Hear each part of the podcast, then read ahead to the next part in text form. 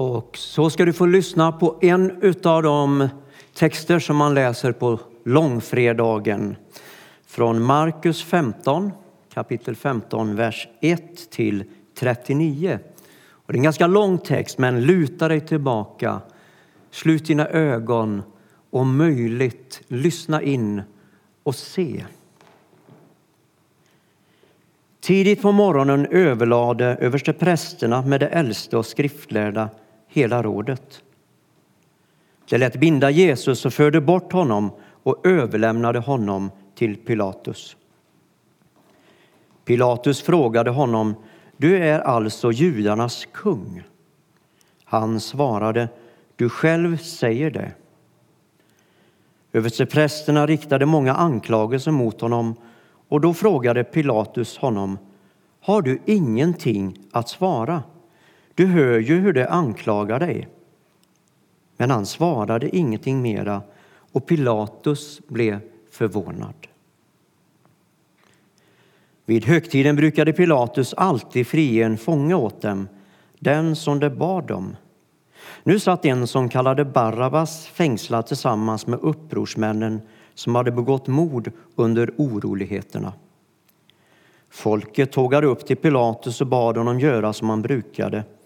Han svarade, vill ni att jag släpper judarnas kung? Han förstod att det var av avund mot Jesus som översteprästerna hade utlämnat honom. Men översteprästerna hetsade upp folket till att begära att han skulle släppa Barabbas istället. Pilatus sa på nytt, vad ska jag då göra med honom som ni kallar judarnas kung? De ropade, korsfäst honom! Pilatus frågade, vad har han gjort för ont? Men de ropade ännu högre, korsfäst honom!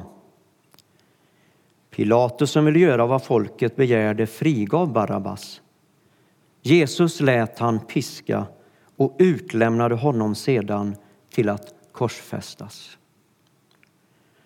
Soldaterna förde in honom på gården, alltså i residenset, och kallade samman hela vaktstyrkan.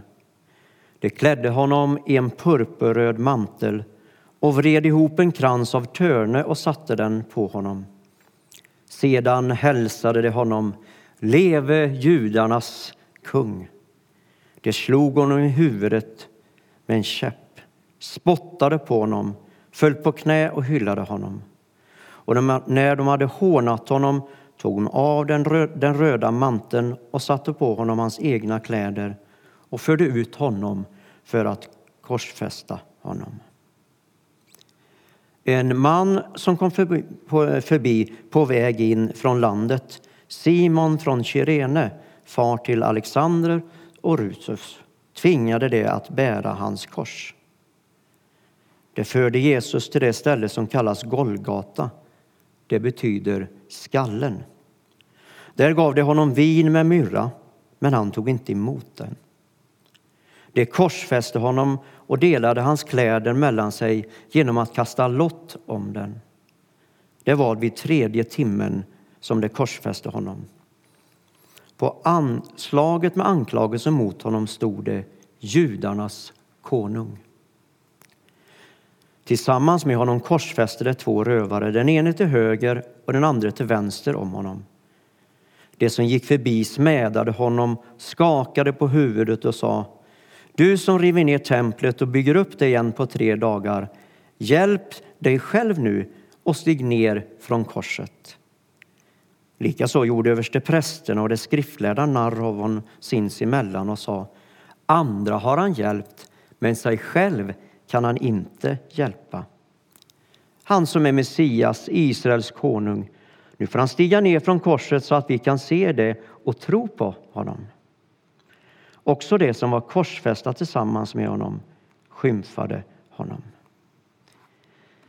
Vid sjätte timmen föll ett mörker över hela jorden och varade till nionde timmen. Och vid nionde timmen ropade Jesus med hög röst Eloi, Eloi, lama sabachthani. Det betyder Min Gud, min Gud, varför har du övergett mig? Några som stod intill hörde det och sa han ropar på Elia. En av dem sprang bort och fyllde en svamp med surt vin och satte den på en käpp och gav honom att dricka och sa Låt oss se om Elia kommer och tar ner honom. Med ett högt rop slutade Jesus att andas och då brast förhänget i templet i två delar, uppifrån och ända ner. När officeren som stod vänd mot honom såg honom ge upp andan på det sättet sa han, den mannen måste ha varit Guds son. Amen.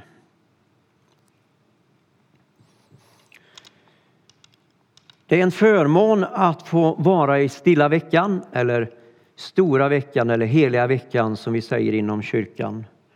Och som Guds vandringsfolk så vandrar vi ju genom livet fram men vid påskveckan så sänker vi farten och vi låter öronen så att säga åka ut ännu mer. Vi lyssnar och vi ser och vi följer med Jesus i de olika händelserna. Och så idag får vi stanna upp vid Jesu kors. Och vi firar inte en högtid. Vi gör inte det. Utan vi uppmärksammar en historisk händelse som har förändrat hela världshistorien och ditt och mitt liv. Det är därför vi är här, det är därför du lyssnar just nu. Alltså, vi vill påminna oss om vad Jesus gjorde för vår skull. Och som sagt, vi får stanna upp vid Jesu kors. Och poängen är att vi ska bli ögonvittnen. Så jag ber snart i en bön att den heliga Ande ska smörja dina ögon och dina öron så att du får höra, så att du får se och bli ögonvittne till det mäktiga dramat på långfredagen. Och poängen är att vi ska bli berörda, vi ska se och vi ska höra och bli ögonvittnen så att vi med Bibelns ord inte kan tiga med vad vi har sett och hört. Så be med mig. Herre, smörj våra ögon och våra öron så att vi får se, så att vi får höra det oerhörda när du lider och dör på grund av våra synder. När du lider och dör för att vi ska ha liv, överflödande liv och evigt liv. Amen.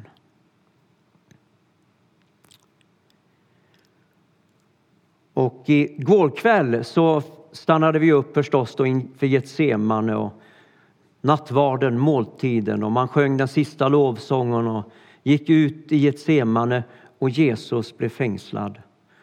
Och så vet vi att han blir förhörd under natten, tidig morgon och förd till olika instanser. Och så kommer han då inför Pontius Pilatus och Jesus är tyst när man anklagar honom. Och eh, Roms förlängda arm, då, ståthållaren Pilatus, kan ju egentligen inte döma Jesus för något brott. Han har inte gjort någonting som han kan dömas för. Och då är det ju sant med de orden Jesus säger när han ska ge sitt liv. Ingen har tagit det ifrån mig. Jag ger det av fri vilja. Det är också Eh, skymtas skymtat fram i Getsemane, inte som jag vill, utan som du vill. Och så är det Guds vilja och så underordnar sig Jesus den viljan och så ger han sitt liv av fri vilja. Han är oskyldig, har inget gjort, men han ger sitt liv av fri vilja. Och det står också, Jesus säger, Fadern älskar mig därför att jag ger mitt liv för att sedan få det tillbaka. Och nu kan ju alltså inte Pilatus egentligen döma Jesus för någonting. Men han är politiskt erfaren, han är slug, han vill hålla sig väl med folket. Och så kommer han ju på då förstås att man brukar frige en fånge vid högtiden. Och så frågar han då, vem ska jag frige? Och då står ju Jesus där, som ingenting har gjort, som är oskyldig, som är den största kärlek världen har skådat och kommer att skåda. Och så står där en mördare. Och så ska då folket i någon mening alltså bestämma vem som ska friges. Jesus, kärleken själv, eller Barabbas. Och så hörde vi ju förstås då hur folket ropar att man ska frige Barabbas och korsfästa Jesus.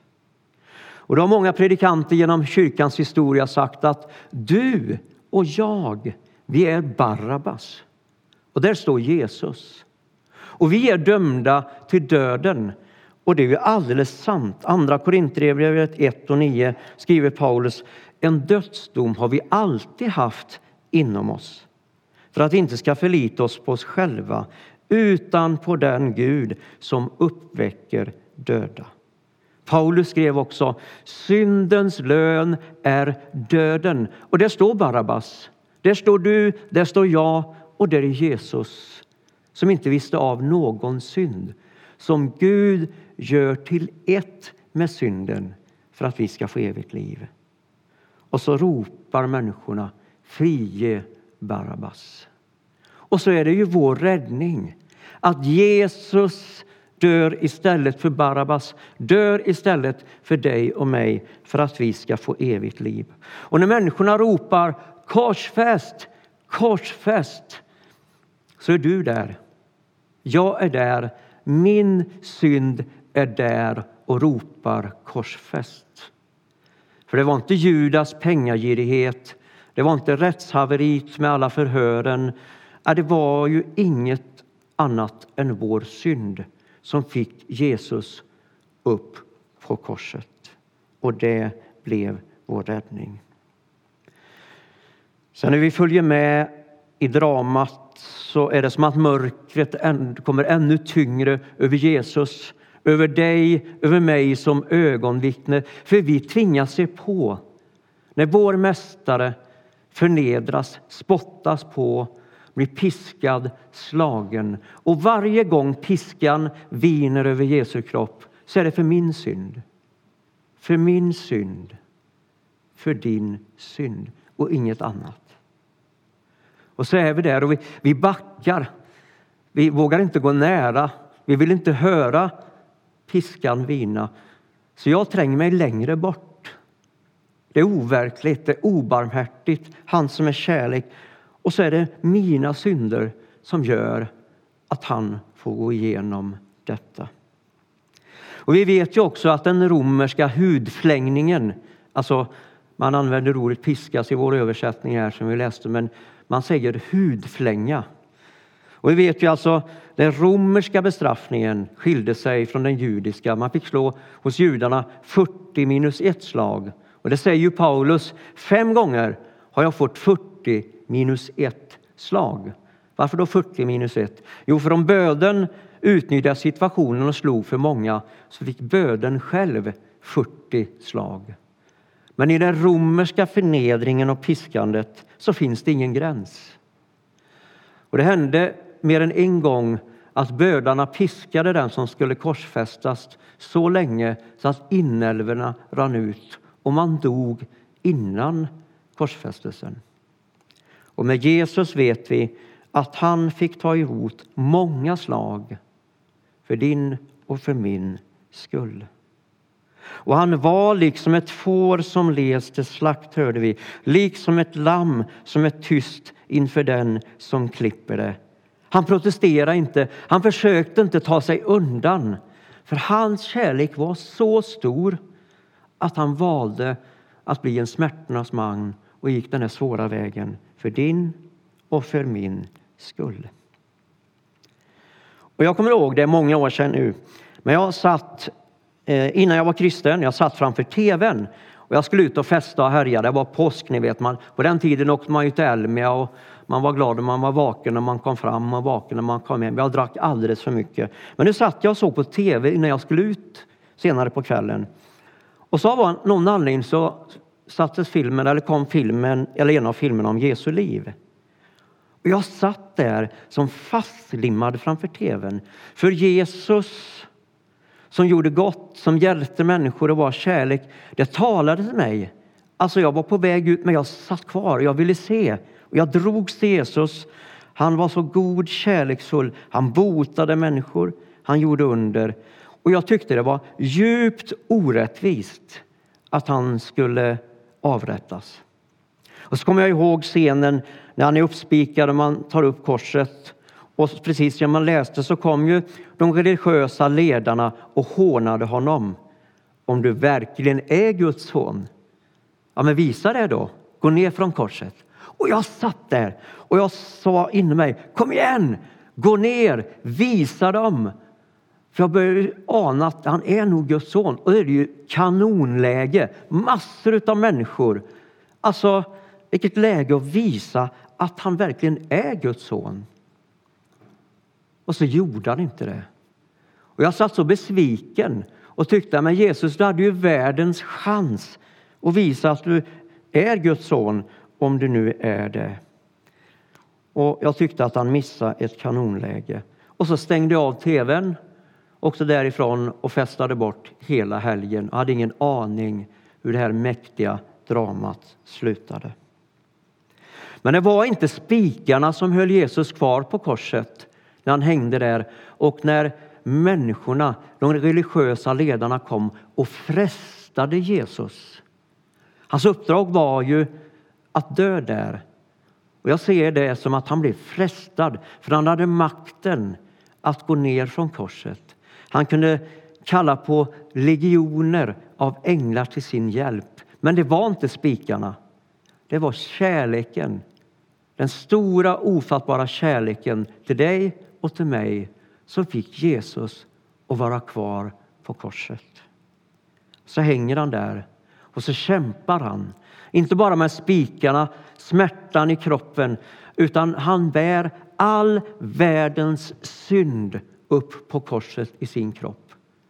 Varje incest, varje mord, varje våldtäkt, varje hårt ord, allt mörker och elände som mänskligheten har hittat på och kommer hittat på tar han i sin kropp på korset. Och så lider han. Och så hänger han där. Och så står det, vid sjätte timmen föll ett mörker över hela jorden. Och då kommer jag att tänka på, alltså när Jesus föds, då är det på natten och då är det mörker. Och då lyses världen upp i en mening, i alla fall på en del sätt. Dels tänds det en ny stjärna på himlen, antagligen Saturnus och Jupiter som står alldeles nära varandra. Och så uppfattar man en ny stjärna som börjar lysa. En ny kung är född någonstans. Änglarna som är där utan, utanför Betlehem och vaktar sin får om natten, det är mörkt. Och så står det att det blir ett kraftigt sken och så lyses den mörka natten upp och så förkunnar änglarna. Och vad är det de säger? Jo, var inte rädda, jag bär bud till er om en stor glädje, en glädje för hela folket. Idag har en frälsare fötts åt er. Så när världens ljus, Jesus Kristus, föds om natten, så lyses himlen upp. Världens ljus tänds. Och nu, vid sjätte timmen, när världens ljus är på väg att slockna, så är det som att Gud släcker ner och predikar. Nu dör snart han som är världens ljus. Och så blir det mörkt. Och så är du och jag i detta mörker. Vi är ögonvittnen. Vi ser hur ljuset liksom försvinner och där hänger Jesus. Och så kämpar han och så är han på väg att dö bort. Och så läser vi att klockan tre på eftermiddagen så ger Jesus upp andan. Alltså, det är ju den tiden då husfadern i varje judisk familj tar fram det felfria offerlammet och sätter kniven i det, för det anges. Ni vet, judarna ska ju äta sin sedermåltid där varje inslag har en profetisk, symbolisk innebörd i det att Gud hjälpte folket ut ur Egypten. Så går man igenom hela måltiden och så har man då före det slaktat det felfria lammet klockan tre. Och klockan tre dör han som Johannes sa om. Se, där går världens lamm, Guds lamm, som tar bort världens synd. Och så ger han upp andan. Vilket drama! Nu är det slut. Människor är förtvivlade som kanske hade hoppats på att deras mästare skulle betvinga döden redan där på korset och gå ner. Men han gör inte det. Utan nu är han död. Och det blir mörkt i lärjungarnas hjärtan, i de närmaste hjärtan. Och så har vi några minuter nu fått stanna upp i sången, musiken, textläsningen och försök till predikan. Stannat upp och hört och sett något litet av långfredagens tunga, mäktiga drama. Varför har vi gjort det nu då? Jo, för att vi ska bli ögonvittnen. Att våra hjärtan ska beröras så att vi sa, som vi sa tidigare, vi kan inte tiga med vad vi har sett och hört. Vi måste berätta för hela världen. Det finns evigt liv, det finns räddning. Han dog för din och för min skull. Det är det varje söndag handlar om. Alltså för varje söndag firar vi gudstjänst därför att Jesus har besegrat döden, uppstått och vi får evigt liv.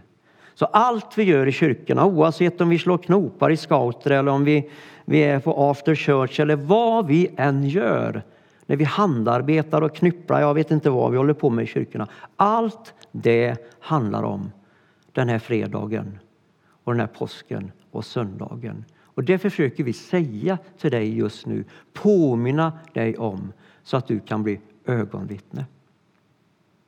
Och nu är min fråga avslutningsvis. Har du stått nu långt borta eller har du vågat gå nära? Var du så nära så att du hörde Jesu tunga andning? Eller var du långt borta? Gömde du dig bakom någon? Blir det för smärtsamt? Ja, jag vet inte. Hur ser du på det du har varit med om? Hur har du reagerat? Med gråt kanske? Förtvivlan? Eller någon kanske bara råkar få på det här och tänker stackars kristna. Precis som romarna sa, ni vet romarnas reaktion. Alltså, de kristna stackars människor, de tillber en korsfäst Gud. Alltså gudarna var ju mäktiga, var ju där uppe. Och så blickade ner på folket och kröp man i dammet och stoftet och så var man rädd för det mäktiga, för det stora. Och de kristna, skrattar romarna, de tillber en korsfäst Gud. Jag har ingen aning hur du har reagerat som ögonvittne den här långfredagen. Men min bön är att du skulle reagera och komma till samma slutsats som en av de andra ögonvittnen som vi hörde om här i texten. Vad stod det då?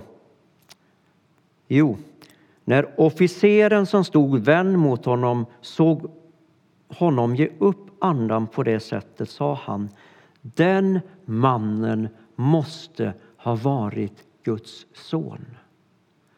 Åh, vad vi har bett för att du skulle komma till den insikten, få komma till samma bekännelse som den här officeren gjort. För han var romare. Han omfattade inte den kristna tron vad vi misstänker och kan veta, troligtvis inte.